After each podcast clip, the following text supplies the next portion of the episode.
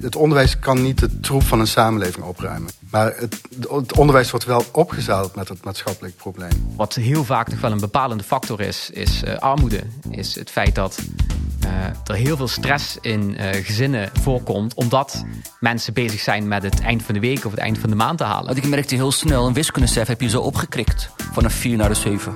Zijn we dan klaar? Zeker niet, want ik weet precies twee jaar waar we voor staan. Dat is die fijne nachtrust. Als we dat hebben gerealiseerd voor het kind, dan doen we het goed.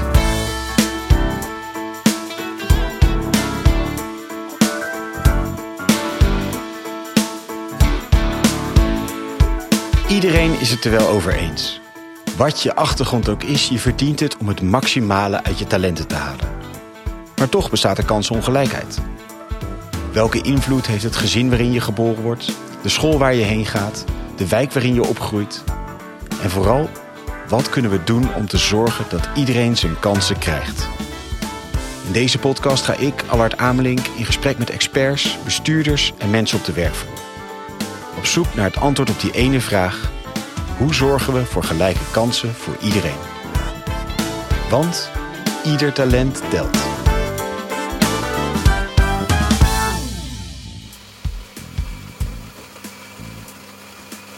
Ik heb twee jonge kinderen. Een meisje van bijna drie en een jongen van bijna één. En we hebben geluk, want ze slapen over het algemeen goed. Maar toch, eens in zoveel nachten, dan moet je er meermaals uit. Omdat ze weet veel, ziek zijn of honger hebben of een nachtmerrie hebben.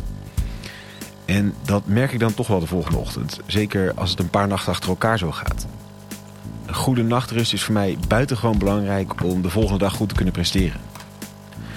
Gelukkig heb je dan altijd nog wel een extra kopje koffie achter de hand voor uh, als je wel erg vermoeid bent. In deze aflevering gaan we het onder andere hebben over dat belang van een goede nachtrust. Je kent ongetwijfeld de piramide van Maslow. Abraham Maslow zette halverwege de vorige eeuw de universele behoeften van de mens op een rijtje. En hoewel er ook wel wat af te dingen is op zijn theorie, is die piramide zeer invloedrijk. Nachtrust vormt samen met onder andere eten en drinken de onderste laag. Dat zijn de basale lichamelijke behoeften die je hebt. In de laag daarboven staat veiligheid en zekerheid. Daarboven sociaal contact. Dan waardering, erkenning en zelfrespect. En bovenaan die piramide staat zelfactualisatie. De wens om jezelf te ontwikkelen en te groeien. Ik moest aan die piramide denken aan het einde van de vorige aflevering... door de opmerking van Ahmed Marcouch die je toen hoorde. Uh, kinderen die uh, ja, opgroeien in gezinnen waar ouders heel erg ook, wat ik dan noem, in leefstress leven. stress om rond te kunnen komen. Stress in termen van schulden hebben. Misschien wel te krap wonen. En nou is de gedachte achter die piramide van Maslow dat als je die basale dingen, zoals eten, drinken, nachtrust, een dak boven je hoofd, als je die dingen niet goed op orde hebt, dat je dan ook niet toe kan komen aan die niveaus daarboven. Bijvoorbeeld van die zelfontplooiing. Dus daadwerkelijk je talenten ontwikkelen lukt niet als de basis niet op orde is. En als ik al matig presteer als ik een onrustig nachtje heb gehad... dan heeft permanente leefstress, zoals Ahmed Marcouch dat net noemde... Ja, een ongekende impact. Vorige aflevering begonnen we met de vraag van... waar komt kansengelijkheid nou vandaan en op welk niveau speelt het? In deze aflevering gaan we verder kijken op dat niveau van het gezin waarin je opgroeit. En dan hebben we het over gezinnen in al zijn verschijningsvormen. Van eenoudergezinnen tot samengestelde gezinnen tot pleeggezinnen. En we starten in Nijmegen bij de Radboud Universiteit. Want we gaan langs bij Eddie Denissen. En ik vraag hem hoe belangrijk ouders zijn voor je ontwikkeling. Uh, ik ben Eddie Denissen. Ik ben uh, bijzonder hoogleraar sociaal-culturele achtergronden en differentiatie in het onderwijs aan de Universiteit Leiden. En universitair hoofddocent aan de Radboud Universiteit Onderwijswetenschappen. Nou, ouders zijn superbelangrijk voor kinderen. Dus thuis begin je met, met, met leren van je ouders. Uh, je groeit op in een, in een context die jou intellectueel uh, stimuleert. Met spullen, met taal om je heen, waar je betekenis aan uh, probeert te geven. En je ziet dat de home literacy environment, de intellectuele thuissituatie dat die heel erg bevorderlijk is voor het leren van jonge kinderen. Ja, en hoe zo'n home literacy environment eruit ziet, dat wisselt natuurlijk heel erg per gezin. Heel veel kinderen die groeien op in een veel minder ehm, stimulerende omgeving. Met ouders bijvoorbeeld die geen Nederlandse taal spreken, die kinderen niet in de taal van de school kunnen, ehm, kunnen inwijden. Uh, met minder uh, interacties, um, um, waardoor kinderen ook veel moeilijker taalvaardig worden, uh, de wereld langzamer begrijpen. En dat leidt allemaal tot achterstanden die leerlingen mee naar school nemen en die dan al voor een bijna onoverbrugbare achterstand zorgen. Als het dan gaat over hoe je thuis een andere taal te horen krijgt dan op school, en dat dat voor achterstanden zorgt, dan lijkt het wel alsof het weer gaat over dat de culturele achtergrond van ouders heel bepalend is. Maar vorige aflevering hoorden dat ook al. Het is met name de sociaal-economische status die een belangrijke rol speelt. Ja, dus uh, hoeveel geld en cultureel kapitaal in huis is, des te meer uh, kansen heb je op onderwijs. En dat cultureel kapitaal is veel sterker toch verbonden met de sociaal-economische context waarin je opgroeit dan de cultureel-etnische achtergrond. Hè. Dus je hebt ook uh, migranten met veel en weinig cultureel kapitaal. En dat hangt dan weer af van hoeveel opleiding hebben zij gehad, wat voor banen uh, voeren zij uit. En je ziet in analyses ook dat uh, als je die twee factoren meeneemt, sociaal-culturele achtergrond en de economische positie, dat etniciteit, die effecten worden vaak wegverklaard door de sociaal-economische achtergrondfactoren. Je thuissituatie is enorm bepalend voor de kansen die je hebt in het leven. En dan speelt dus met name de sociaal-economische status van je gezin een rol. Maar waarom hangen die twee dingen samen? Ik vraag het aan Jordi Clemens. Hij is wethouder in Heerlen. Hij ziet dagelijks met eigen ogen hoe sociaal-economische status en je kansen in het leven met elkaar samenhangen. Ik ben uh, Jordi Clemens. Ik ben wethouder in de gemeente Heerlen. Inmiddels uh, bijna acht jaar. En heb daar de portefeuille onderwijs, jeugd, cultuur en wonen. Ja, volgens mij is het onmogelijk te ontkennen dat uh, heel veel problemen die we tegenkomen in gezinnen rondom de opvoeding, dat die een link hebben naar armoede. Um, het is geen toeval dat een heleboel van die factoren, ongezond eten, middelengebruik, tot en met kindermishandeling, dat die vaker voorkomen in gezinnen waar het ook sociaal-economisch problematisch is. Dus waar, waar simpelweg waar armoede heerst. En dat is niet omdat arme mensen meer aanleg hebben om kinderen te mishandelen. Dat is natuurlijk grote flauwekul. Maar het heeft wel alles mee te maken dat armoede een grote mate van stress in een gezin brengt. En dat is natuurlijk wel een risicofactor. armoede zorgt er ook voor dat het moeilijker is om gezonde maaltijden voor, uh, voor de kinderen te maken. Uh, armoede is ook de oorzaak dat veel kinderen niet naar de sportclub kunnen. Dat kinderen niet naar uh, de bibliotheek gaan, niet naar het theater gaan, niet naar het museum gaan. En daarmee ook wel de kans missen om iets te ontdekken dat misschien wel heel bijzonder voor ze zou kunnen zijn. Jordi schetst een heel breed spectrum eigenlijk aan gevolgen van armoede van opgroeien in een gezin dat niet naar theater kan, omdat daar de portemonnee niet toereikend voor is. Iets wat jammer is, een gemiste kans, want dat het een kind in de ontwikkeling zou kunnen helpen. Tot kindermishandeling, wat gelijk natuurlijk een direct negatieve impact op een kind heeft. Kortom, armoede zet die onderkant van die piramide van Maslow enorm onder druk. En ja, misschien moeten we die gewoon maar eens even langslopen, die stappen. Van welke elementen horen allemaal bij die basis? En op welke manieren kan dat dus spaak lopen? Dat is beginnen met, met voeding. Jordi noemde het net. Van, hè, dat, dat ouders soms niet in staat zijn om een goede maaltijd voor te zetten. Hoe belangrijk is voeding voor je ontwikkeling? Ik vraag het aan Jelle Jolles. Hij is de hoogleraar neuropsychologie die je ook in de vorige aflevering hoorde. Hij is verbonden aan de Vrije Universiteit Amsterdam en de Universiteit Maastricht en auteur van onder andere Het Tienerbrein en Leer je kind kennen. Slechte voeding, eenzijdige voeding, te weinig voeding. Dus bijvoorbeeld naar school toe gaan zonder ontbijt. Omdat je beide ouders om half acht eh, de deur uit moeten.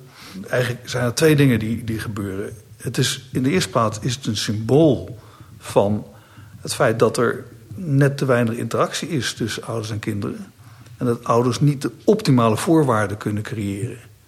Dus kinderen die vijf dagen per week friet met mayo eten op een zevende, achtste jaar, omdat ouders geen tijd hebben of niet weten dat er een schijf van vijf is, of hoe dat dan ook heet, dat is, eh, dan is het slechte eten is een indicatie voor het feit dat ouders te weinig opleiding hebben gehad of te weinig tijd of wat dan ook. Dat is één.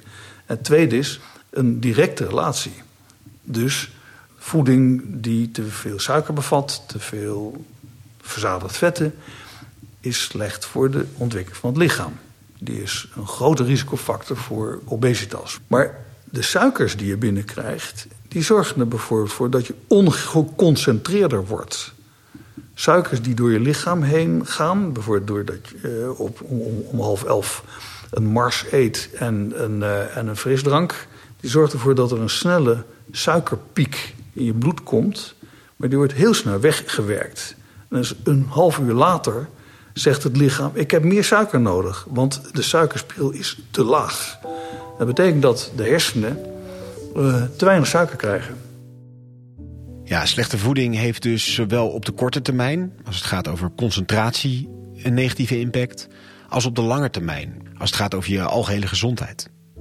En daarnaast is dus ook het slechte eten voorgeschoteld krijgen een soort teken aan de wand. Dat ziet ook Yvonne Stegen van Magnifiek uit de wijk Malberg in Maastricht. We hoorden haar eveneens in de vorige aflevering. In die wijk Malberg wonen veel kinderen in eenoudergezinnen in een uitkeringssituatie. En voeding is een belangrijk thema, maar, zegt Yvonne, ook wel een lastig thema. Ah, als jij en ik een gesprek hebben over gezonde voeding, zullen wij daar ook wel in verschillen. Uh, ik merk dat ook in het team. Hè. Uh, iets simpels als bijvoorbeeld een stukje peperkoek. Dan hebben tien mensen daar echt een verschillende mening over. En de ene vindt dat wel gezond, de ander niet.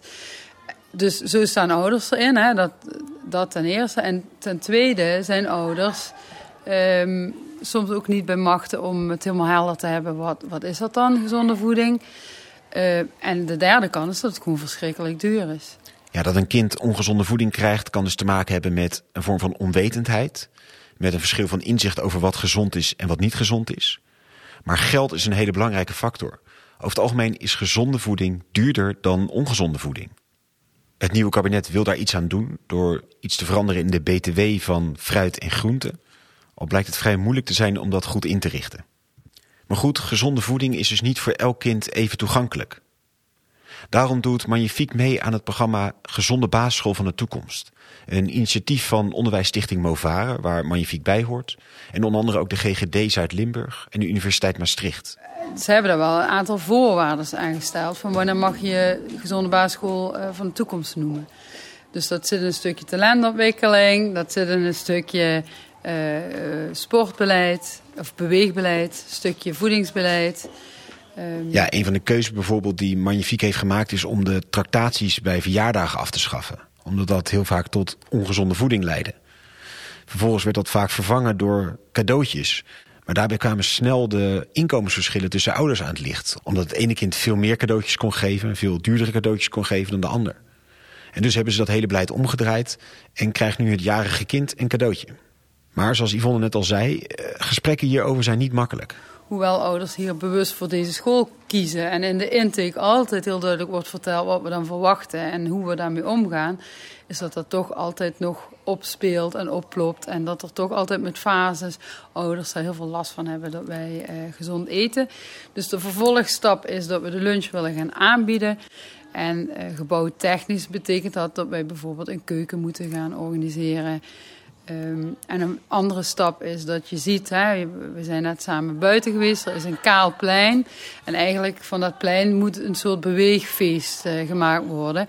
En daar zijn we met een partner hier in Maastricht ook in samenspraak met de gemeente mee bezig om uh, samen met het CNME het plein te vergroenen. Daar, komen, daar is meteen ook de dubbelslag met die gezonde basisschool. Er komen fruitbomen, fruitstruiken. En dan heb je weer dat die puzzelstukjes in elkaar vallen. Ja, op die manier zorgt Magnifiek ervoor dat een hele school eigenlijk de positieve kant op staat. Zowel dus in het bewegen, als dat er gezond eten wordt aangeboden. En ten aanzien van gezondheid gaat de gemeente Heerlen zelfs nog een stap verder. Want armoede kan natuurlijk ook leiden tot zorgmijding. Uit angst voor hoge rekeningen blijf je maar weg bij de dokter of in dit geval de tandarts. Je ziet dat met name gezinnen die uh, uh, in armoede leven, dat die veel minder vaak naar de tandarts gaan. En uh, we kwamen erachter dat in sommige buurten dat bijna de helft van de kinderen nooit naar de tandarts gaat. En dat betekent concreet dat, dat je uh, met een beetje pech over een aantal jaar aan de gebitten van kinderen kunt zien of ze rijk of arm waren vroeger. Ja, en dat is dus iets waar de gemeente Heerlen zich niet bij wilde neerleggen. En dus zijn ze samen met zorgverzekeraar CZ en het onderwijs en de tandarts in de regio aan de slag gegaan. Uh, als de kinderen die in de tandarts komen, dan komt de tandarts naar de kinderen toe. En uh, zo starten we op zeer korte termijn, echt in een aantal weken al, met de, uh, de mondzorgcoach. Dat is een um, speciaal getrainde persoon op het consultatiebureau die al bij hele kleine kinderen in de mondjes gaat kijken en door kan verwijzen naar een tandarts. en ook direct tips en adviezen kan meegeven voor ouders. En in het komend schooljaar verwachten we te starten met een kindertandarts die op scholen actief is. Dus dan kan er uh, op school al uh, met mondzorg gestart worden. En ja, dan op, op, op die manier maak je de drempel ontzettend laag. Uh, en voorkom je dat kinderen niet naar de tandarts gaan omdat ouders bang zijn voor eventuele rekeningen. Want dat is uiteindelijk de praktijk. Vanuit de piramide van Maslow bekeken is dit natuurlijk allemaal super belangrijk. Goed eten, goede gezondheidszorg. Het zijn basale behoeftes van iedereen. Jordi en Yvonne vertellen er gepassioneerd over, dus laat me er graag in meevoeren. Maar toch, ik, ik weet niet hoe jij dat ziet, maar krijg ik ook een beetje de vraag van waar eindigt dit thema van kansengelijkheid? Kijk, ik ben voor tandzorg voor iedereen, maar weet je, dat gaat toch meer over gezondheidsverschillen. Ook een probleem, maar daar gaat deze podcast uiteindelijk niet over. We zijn op zoek naar kansengelijkheid. Waar houdt dat thema kansengelijkheid op? Nou, laten we een uitstap maken naar Amsterdam.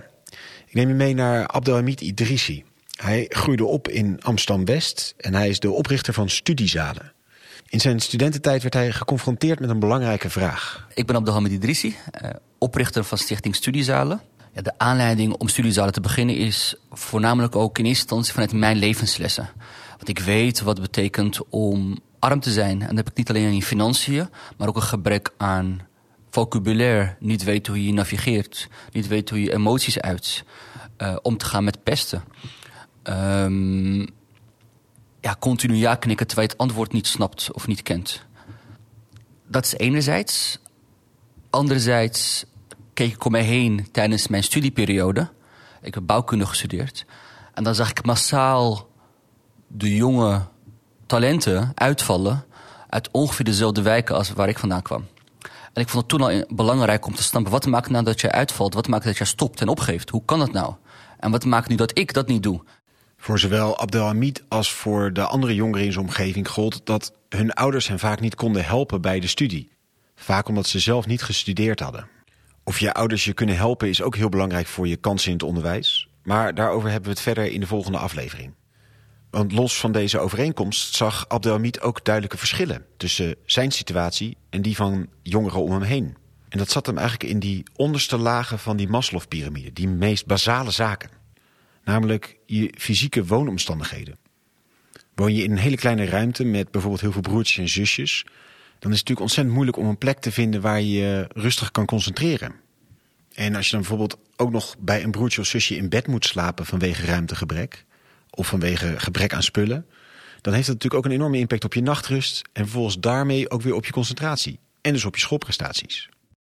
Bij Abdelhamid thuis zagen de omstandigheden er gelukkig een stuk positiever uit. En dat was ook omdat zijn ouders voldoende financiële armslag hadden. Ik had die ruimte, genoeg ruimte thuis, rust en veiligheid. En mijn ouders hadden niet andere hele zware stress waar ze zich mee bezig moesten houden. Zoals schulden. Of zoals uh, de, inderdaad de incassobureau die ze dreigt uit huis te plaatsen. Dat hele stuk hadden wij dus niet. Waardoor mijn ouders inderdaad alle tijd kunnen hebben, of hebben, om, om er voor mij te zijn. Dus ondanks dat ze mij niet in, eh, op, op een professioneel vlak kunnen helpen, maar ze waren er wel als liefdevolle uh, ouders. Elke ouder houdt heel veel van zijn of haar kind. Maar als je zoveel stress hebt op alle fronten, al die fronten, ja, dan is inderdaad aan, echte aandacht voor je kind uh, uh, soms ook een bijzaak. Want je bent aan het overleven. En dat had gelukkig mijn ouders niet, waardoor ik uh, toch wel mij heel erg gesterkt voelde in, in mijn thuissituatie. De ouders van Abdelhamid hadden voldoende ruimte, mentale ruimte om hem te ondersteunen en te stimuleren om te studeren. En sterker nog, ze verboden hem om te gaan werken. Zijn vader zei: je mag niet werken, want als je geld hebt geproefd, wil je alleen maar meer. Ik hoefde ook geen inkomsten te genereren voor mijn ouders, want dat was dus niet nodig. En maar inderdaad, in mijn omgeving waren te veel jongeren die een bijbaan bij de Albert Heijn hadden. En gewoon een deel daarvan moesten, of moesten die droegen ze dan heel graag, draagden ze heel graag af uh, om hun ouders te helpen. Om te ontzorgen, te ontstressen. En dat waren dus, uh, dat is wat ik elke dag meemaakte en zag. En toen wist ik, ik, ik, wil, ik moet hier wat uh, mee gaan doen. Of ik, ik wil dit voorkomen. en zo is Studiezalen tien jaar geleden ontstaan. Want wat Abdelhamid thuis vond, dat wilde hij aan andere jongeren ook bieden. Ik wist heel goed hoe een studiezaal eruit moet komen te zien. Een studiezaal moest een plek zijn waar het gezellig is, rustgevend is en veilig is. Omdat het thuis, in de wijk of op school niet altijd gezellig, veilig en rustig is. Vanwege onveiligheid thuis, in de wijk of school. Geen rust, uh, niet de privacy dus niet hebben, te, klein wonen, dit pestgedrag, dat macho gedrag op straat of op school. Dus een, de studiezaal moest die veilige basis bieden. Uh, om, om, om, om te studeren. Studiezalen biedt jongeren een veilige, fijne plek waar ze rustig kunnen studeren. En daarnaast krijgt elke jongere een coach die hem of haar helpt bij de studie en bij het leren op school. Maar al vrij snel breidde eigenlijk dat taakgebied van die coach zich uit. Eerder hadden we het over de schooltandarts en in hoeverre dat nou te maken heeft met, ja, met kansengelijkheid en de kansen in het leven. Nou, Abdelhamid legt heel sterk de link tussen die onderste laag in die Maslow-pyramide en die hogere. Hij zegt dat die basale zaken kunnen doorwerken in bijvoorbeeld eigenwaarde. Want ik merkte heel snel, een wiskundecijfer heb je zo opgekrikt. Van een 4 naar een 7. Zijn we dan klaar? Zeker niet, want ik zag continu weer dat die, dat die kinderen ook nog niet tevreden zijn. Maar wat hebben ze dan wel nodig? En dan merk je inderdaad dat er zoveel stress is op al die fronten die ik eigenlijk al best snapte. Dus het gaat over die ongezonde leefstijl, waardoor ze te zwaar werden, onaangename geurtjes hebben, ongewenste haargroei hebben uh, en daardoor gepest werden.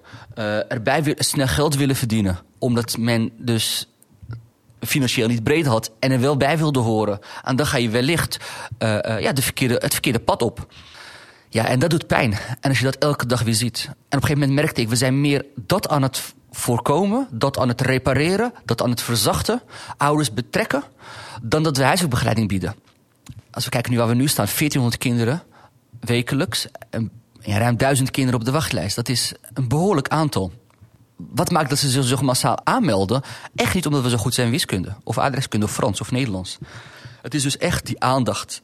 Die aandacht, wij noemen het life coaching aandacht voor het kind. Om te kijken, wat zijn je dromen, doelen, wensen, maar ook waar lig je wakker van? Want ik weet precies twee jaar waar we voor staan. Dat is die fijne nachtrust. Als we dat hebben gerealiseerd voor het kind, dan doen we het goed. Een gezonde nachtrust als indicator. Ik vind het een hele mooie van Abdelhamid. Omdat het, net als wat Jelle Jolles zei over eten, een dubbele indicator is. Een goede nachtrust is belangrijk voor je ontwikkeling. En het is een indicator voor hoeveel stress je hebt in je leven. Want veel stress leidt tot slechte nachtrust. En die slechte nachtrust is ook weer heel slecht voor je ontwikkeling. Simpelweg omdat je overdag je minder goed kan concentreren, et cetera. Daarmee hebben we eigenlijk die hele piramide van Maslow een beetje doorgelopen. We zijn begonnen met eten, we hebben gekeken naar gezondheid, een dak boven je veiligheid en hoe dat doorwerkt in eigenwaarde. Hoe belangrijk respect en waardering van en voor anderen is. Allemaal zaken die nodig zijn om die basis op orde te hebben, om vervolgens tot goed leren te kunnen komen. Studiezalen is natuurlijk zo'n plek waar geprobeerd wordt om die basis te bieden als die er van huis uit niet voldoende is. Studiezalen richt zich echt op jongeren. In Heerlen hebben ze een project waar ze nog een stuk eerder beginnen. Namelijk eigenlijk bij het jonge kind. Of misschien nog wel beter gezegd, nog voordat het jonge kind er überhaupt is. Het onderzoeken blijkt dat de eerste duizend dagen van je bestaan vanaf het moment dat je moeder zwanger raakt tot je tweede verjaardag cruciaal zijn voor je verdere leven. Daarom heeft het ministerie van VWS bijvoorbeeld het programma Kansrijke Start. Om te zorgen dat die duizend dagen voor zoveel mogelijk kinderen er zo positief mogelijk uitziet. Maar dan moet je er dus vroeg bij zijn. Nou, dat begint eigenlijk al bij, bij het moment dat ouders het besluit nemen uh, dat ze een kindje willen. Uh, dat is al het moment waarin je met gezinnen in gesprek moet over de vraag: Goh, is dit het goede moment? Uh, ben je er klaar voor? Moet er misschien nog iets in de gezinssituatie veranderen? Moeten we misschien eerst zorgen dat er een gedragspatroon verandert. Je ziet toch vaak nog dat er bijvoorbeeld in het eetpatroon wat kan verbeteren. Je ziet soms nog wel middelengebruik, uh, alcohol, uh, drugs, roken. Um, kunnen we daar niet eerst een oplossing voor vinden en dan ook aan een gezonde zwangerschap beginnen? Ja, en vervolgens vanaf die dag ook schouder aan schouder staan met dat gezin. Zo coachen we mensen op het vlak van, van leefstijl, van gezonde voeding, bijvoorbeeld van bewegen. Omdat die eerste duizend dagen zo belangrijk zijn, wil de gemeente Heerlen graag bij kwetsbare gezinnen er vroeg bij zijn. Er is veel hulp en ondersteuning beschikbaar, maar vaak wordt daar geen gebruik van gemaakt. Ja, ik, ik zou echt wel willen zeggen, het grote probleem hier is niet het gebruik van voorzieningen, maar het niet gebruik van voorzieningen. Ik zou willen dat meer mensen gebruik maakten van de voorzieningen waar ze recht op hebben. Mensen ervaren een drempel om hulp in te roepen, zijn bang voor kosten, zitten niet te wachten op ja, een soort pottenkijkers, zijn bang voor de gevolgen die het kan hebben dat ze met een hulpverlener te maken hebben. En daarom zetten ze bijvoorbeeld in Heerlen in op verlengde kraamhulp. Dus dat betekent dat uh, gezinnen uh, in een kwetsbare positie dat die uh, langer gebruik kunnen maken van kraamzorg. de kraamzorg is een hele laagdrempelige manier van zorg. Dus niemand is bang voor de kraamzorg. Dat komen bij andere vormen van, van hulp natuurlijk wel nog eens tegen. Ja, en via het de vertrouwensband die dan met zo'n kraamzorgster kan ontstaan, eh, kun je ook eventuele andere hulp in een gezin eh, organiseren. Ja, de kraamhulp kan dus op die manier ook een soort signalerende functie hebben. In het geval van kwetsbare ouders die wel wat ondersteuning kunnen gebruiken. Ook het onderwijs is natuurlijk zo'n plek waar zulke soort signalen naar voren kunnen komen. Leraren zien hoe het met kinderen gaat in de klas en kunnen aanvoelen dat er misschien in de thuissituatie iets niet goed zit. En ook is school vaak een vertrouwde plek voor ouders, waar ze wel hun verhaal kwijt kunnen. Ook Yvonne Stegen probeert op haar school de signalen van bijvoorbeeld armoede op te pikken. Je moet dan soms wel verder kijken dan je neus lang is. Ze vertelt over de handreiking omgaan met armoede op scholen. Bedoeld voor het basisonderwijs en het voortgezet onderwijs. Um, en, en daar staat bijvoorbeeld zo'n signaleringslijst in... waarvan ik het team ook altijd meeneem in... Uh, van wat zijn nou signalen van armoede? En dat zijn niet altijd signalen waarvan je denkt dat het zijn... Uh, want het zijn soms kinderen die hele dure jas hebben, maar geen uh, lunch meenemen. Of kinderen die uh, wel de nieuwste Nikes hebben, maar nooit sokken aan hebben. kinderen die niet naar feestjes willen. Allemaal, um, allemaal van dat soort ja, kleine dingen die bij elkaar komen. Um, maar ook ouders die dat ook wel eerlijk durven te vertellen. Ja, want de school is een vertrouwde plek in het dagelijks leven van ouders. En dus ervaren ze daar vaak meer ruimte om hun zorgen te uiten. Dat merkte Yvonne ook gelijk toen ze startte bij Magnifiek. Um, en toen ik hier begon als directeur was het eerste wat me opviel... dat ik elke dag uh, ouders aan mijn deur had met, uh, met hun eigen problematieken. Je, kun je me even helpen, want ik heb dit of dat. Of, oh Yvonne, ik heb een paniekaanval. Uh. En dan zat ik daar en dacht, jeetje, dit, hier ben ik helemaal niet voor opgeleid. Nee, want je belangrijkste taak als leraar is om er voor leerlingen te zijn en die wat te leren. Hoeveel verder gaat je verantwoordelijkheid? Wat moet je met ouders die met complexe vragen over hun leven komen? Heb je daar een verantwoordelijkheid in als onderwijs? En ook bijvoorbeeld het gebied van eten. Moet je zoals Yvonne doet kinderen een gezonde maaltijd voorzetten als ze dat niet kunnen krijgen vanuit huis? Tot waar reikt je verantwoordelijkheid?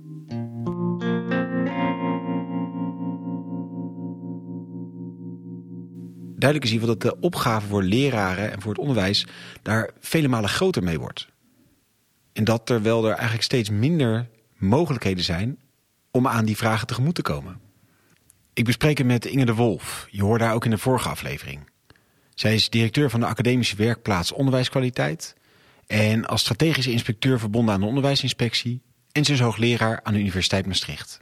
En wat we zien is dat, nou ja, bijvoorbeeld hè, uh, schoolondersteuningsdiensten uh, er niet meer standaard zijn. Wat we zien op dit moment is dat veel uh, IB'ers of RT'ers, dus eigenlijk de ondersteuning die er nog in de school is, hè, waar die er nog is, dat die ook worden ingezet ehm, om weggevallen leraren of lesuitval te voorkomen. Dus dat die ook steeds meer lesgevende taken gaan krijgen in die tijden van dit lerarentekort. Waardoor de leraar eigenlijk minder ondersteund wordt, ook in het helpen van leerlingen. Ja, en tegelijkertijd kun je niet gewoon klakkeloos je lessen afdraaien. Als je ziet dat een klas of dat bepaalde leerlingen met hele andere dingen bezig zijn. Omdat het in hun leven onrustig is. Dus je ziet als het gaat om echt, zeg maar, nou, bijvoorbeeld problematische thuissituaties. Leerlingen moeten wel nou ja, tot leren kunnen komen. Dus die moeten, en als je enorme zorgen hebt, of je hebt niet gegeten, of je, je hebt andere dingen aan je hoofd, dan is het heel moeilijk als een leraar die eigenlijk met een, met een klas zeg maar, aan het werk wil, daar nog van alles uh, moet doen. Dus ja, je zult er wat mee moeten als onderwijs. Maar het is belangrijk dat dat uiteindelijk dus niet op het bordje van de leraar terechtkomt. Want die heeft het al druk genoeg met allerlei andere zaken. Inge kijkt over de grens van hoe het daar opgepakt wordt. En wat je eigenlijk in de meeste andere landen ziet, is dat daar toch, nou ja, of een psycholoog of een schoolmaatschappelijk werker, of dat er meer ondersteuning eigenlijk in de school is georganiseerd. En in Nederland komt heel veel van dat soort taken komen op het bord van de leraar. Ook bij Yvonne hebben ze over de grens gekeken. Magnifique is samen met de gemeente Maastricht en Xonar, een jeugdzorgaanbieder, gaan kijken naar een zogenaamde brugfunctionaris. En dat is eigenlijk naar voorbeeld van ook in Gent. Daar bestaat het fenomeen al 20 jaar. En de brugfunctionaris is eigenlijk iemand die op school aanwezig is, die de brug slaat tussen thuis, school en ook de hulpverlener. Soms zeg ik zeg altijd grappig, dat is mijn tolk-vertaler. Uh, bemiddelaar, je kunt er van alles van maken. Maar zij is wel degene die, uh, ja, die gaat niet over onderwijs, maar wel over hoe gaat het nou met die kinderen en wat is er voor nodig om ervoor te zorgen om, dat je bijvoorbeeld wel op tijd bent. Of om ervoor te zorgen dat je, um, dat je de juiste hulp krijgt. En dat hoef ik nou allemaal niet meer te doen, waardoor ik meer tijd heb voor de focus op het onderwijs. De brugfunctionaris legt de verbinding met andere partijen in de wijk en de stad. Het is mooi dat die professionele organisaties er zijn. Al speelt daar vervolgens natuurlijk ook weer het probleem met de tekorten in de jeugdzorg bij gemeenten. De hulp die soms nodig is, is niet altijd voorhanden. En daarnaast hebben veel gemeenten moeten bezuinigen op het sociaal werk, een beetje de, de sociale infrastructuur in de wijk. Kortom, er moet natuurlijk wel hulp beschikbaar dan zijn waar een school naar kan verwijzen. Een school opereert uiteindelijk niet los van de hele context waarin het zich bevindt. We kunnen niet een soort wonderen van het onderwijs verwachten, los van de omstandigheden. Ik eindig mijn lezingen vaak met de quote van Basil Bernstein uit de jaren 60. Uh, Education cannot compensate for society. Ja, dus onderwijs kan niet compenseren voor een samenleving. Dus als de samenleving heel ongelijk is, dan moet je niet van het onderwijs verwachten dat uh, er dan rechtvaardigheid gaat ontstaan. Want die rechtvaardigheid die zit ook in inkomenspolitiek, uh, belastingmaatregelen. Uh, en gelijkheid in de samenleving is eigenlijk een voorwaarde om ook een rechtvaardig onderwijssysteem in te richten. En dat maakt misschien. Het is ook een disclaimer vaak voor, voor de onderwijspraktijk. Je, je, het onderwijs kan niet de troep van een samenleving opruimen. Maar het, het onderwijs wordt wel opgezadeld met het maatschappelijk probleem. Education cannot compensate for society. Ja, ik, ik hoor het bijna als een soort huiswerkopdracht die Eddie ons geeft. De situatie waar het onderwijs mee geconfronteerd wordt... dat er bijvoorbeeld een hoop gezinnen zijn waar de basis niet op orde is... dat is natuurlijk niet een soort ja, natuurkracht of een gegeven waar je niks aan kan veranderen. Nee, ook dat is iets waar je als samenleving iets van kan vinden. De opdracht waar het onderwijs mee geconfronteerd wordt... wordt ook door ons als samenleving gemaakt. De samenleving waar we allemaal in leven. Dus daar moeten we zeker nog induiken in een uh, latere aflevering. Jordi Clemens schetst aan het begin van deze aflevering een heel breed spectrum aan soorten gezinnen waarin je kan opgroeien. Hij schetste enerzijds hele problematische situaties, waar er armoede is, waar er onvoldoende of niet goed eten beschikbaar is, waar er heel veel stress is, waarin er problemen zijn met huisvesting.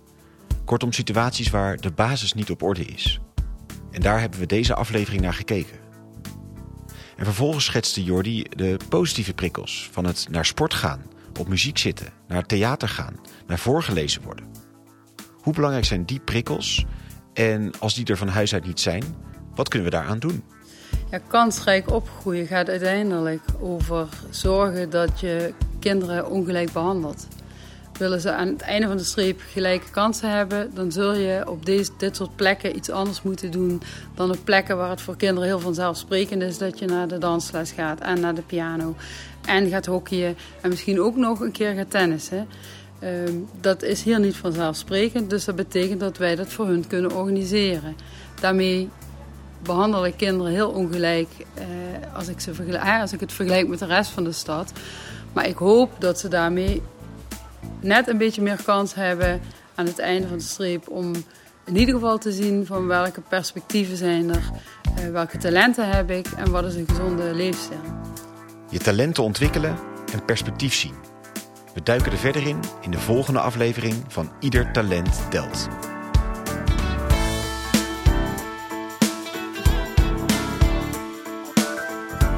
We gaan het dan ook hebben over oude betrokkenheid, die zowel positief als negatief kan werken. We keren terug op het Marnix Gymnasium, dat we de vorige aflevering leerden kennen. En we gaan langs bij Koos Pot van de Weekendschool in Zuidwest-Friesland. Deze podcast is een productie van mij, Allard Amelink, in samenwerking met de Gelijke Kansenalliantie. De muziek is van Victor Weigand. Wil je meer weten over de onderzoeken en voorbeelden die in deze aflevering genoemd zijn? Kijk dan op www.gelijke-kansen.nl slash podcast. En wil je op de hoogte blijven van nieuwe afleveringen? Abonneer dan vooral. Over twee weken staat de volgende online. Graag tot dan.